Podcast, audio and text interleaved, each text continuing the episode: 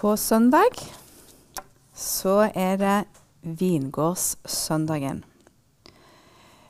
Og Vingårdssøndagen den er lagt til den 14. søndagen i treenighetstiden. Og navnet viser til den lignelsen som Jesus fortalte om arbeiderne i vingården, og handler om kallet til å arbeide for Guds rike på jorden.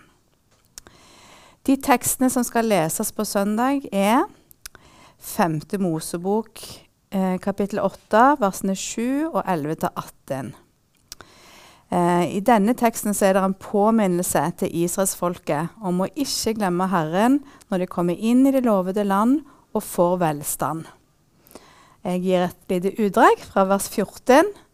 Vokt deg da, så du ikke blir hovmodig og glemmer Herren din Gud, Han som førte deg ut av Egypt, ut av slavehuset.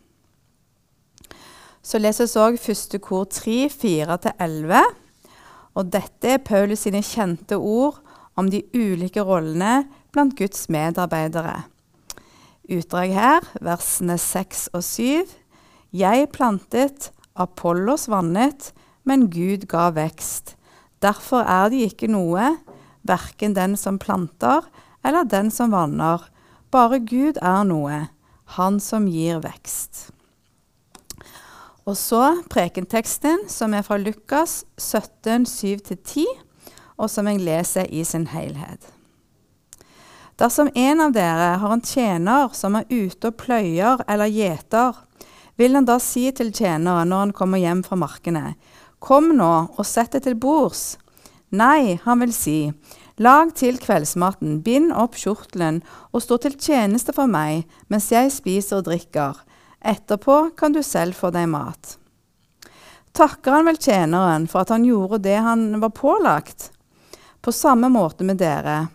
Når dere har gjort alt som er pålagt dere, skal dere si:" Vi er unyttige tjenere og har bare gjort det vi var skyldige til å gjøre. Først noen eksegetiske observasjoner til denne evangelieteksten. I denne delen av Lukasevangeliet så snakker Jesus til disiplene. Dette kapitlet, kapittel 17, handler om forfølgelse, det handler om disiplenes tro, og det handler om tjenesten deres.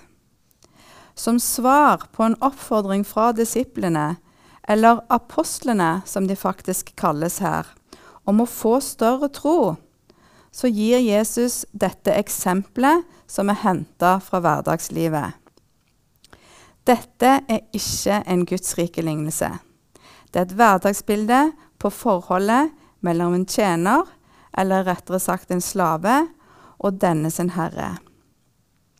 Jesus henter ut ett aspekt fra denne henvisningen til samtidens sosiale og økonomiske realitet, nemlig det ydmyke tjenersinnet som skal kjennetegne apostlene når de skal spre evangeliet.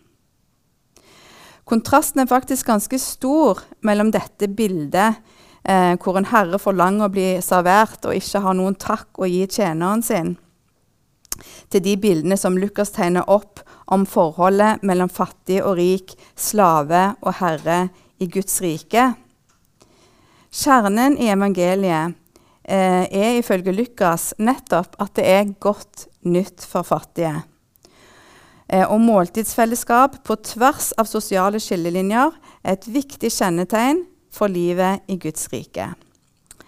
Eh, og det illustreres igjen og igjen gjennom Lukasevangeliet, gjennom Jesu handlinger og gjennom Hans ord.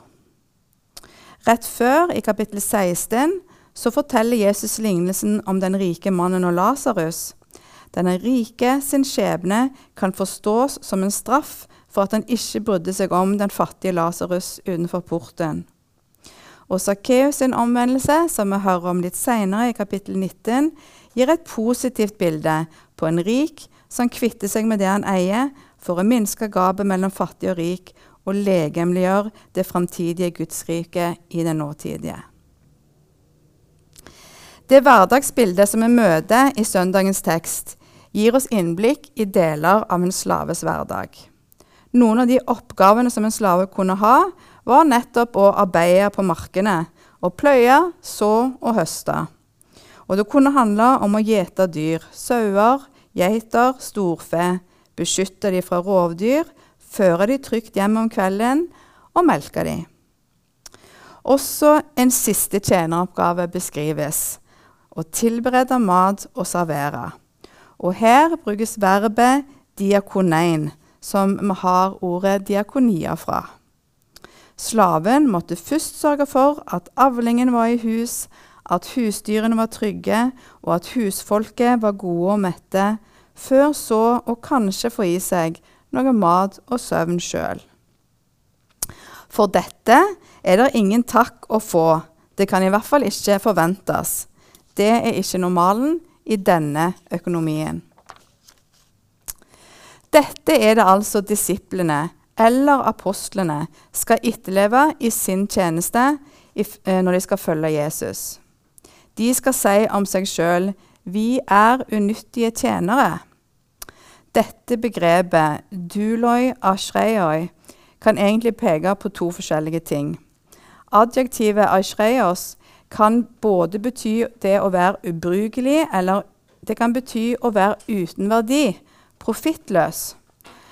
Eh, dette begrepet ble faktisk brukt om slaver som en ikke hadde inntjening på. Altså hvis du hadde gjort et slavekjøp som viste seg å være en dårlig investering. Hva kan man så hente ut av denne teksten med tanke på en preken? De tre tekstene som skal leses på søndag, på vingårdssøndagen, peker på relasjonen mellom Gud, som gir vekst, og medarbeidere som stiller seg sjøl til disposisjon.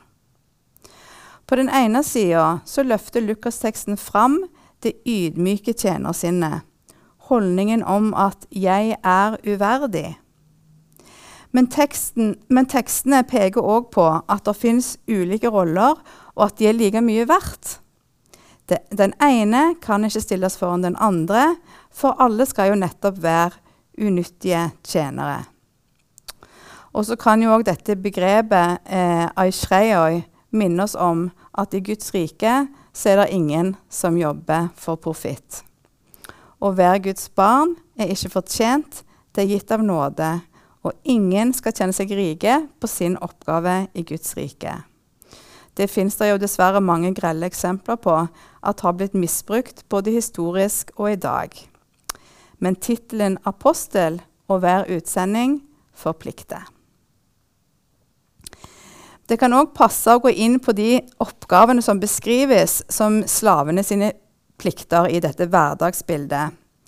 Disse tre rollene som såmann eller gartner, som gjeter eh, og som eh, servitør eller måltidstilrettelegger, er jo bilder som har fått symbolske overtoner i kristen tradisjon.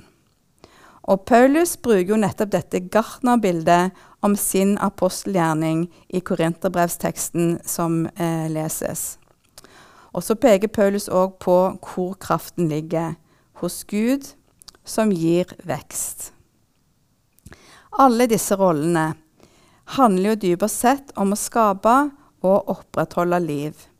Enten det vil eh, si å så, vanne og høste den livgivende grøden fra jorda, det handler om å beskytte buskap og føre den trygt hjem. Eller det handler om å legge til rette for måltidsfellesskap for familien. Og sørge for livgivende diakonier. Ikke i egen kraft, men i kraft av Gud, som gir vekst, og som fører inn i et godt land, sånn som GT-lesningen minner om. La oss be. Livets Gud, Kirkens Herre, du har kalt oss til å være arbeidere i din vingård. Vi ber deg, bygg din kirke og styrk oss i tjenesten, så vi arbeider for deg og vår neste med glede. Ved din Sønn Jesus Kristus, vår Herre, som med deg og Den hellige ånd lever og råder, en sann Gud fra evighet til evighet. Amen.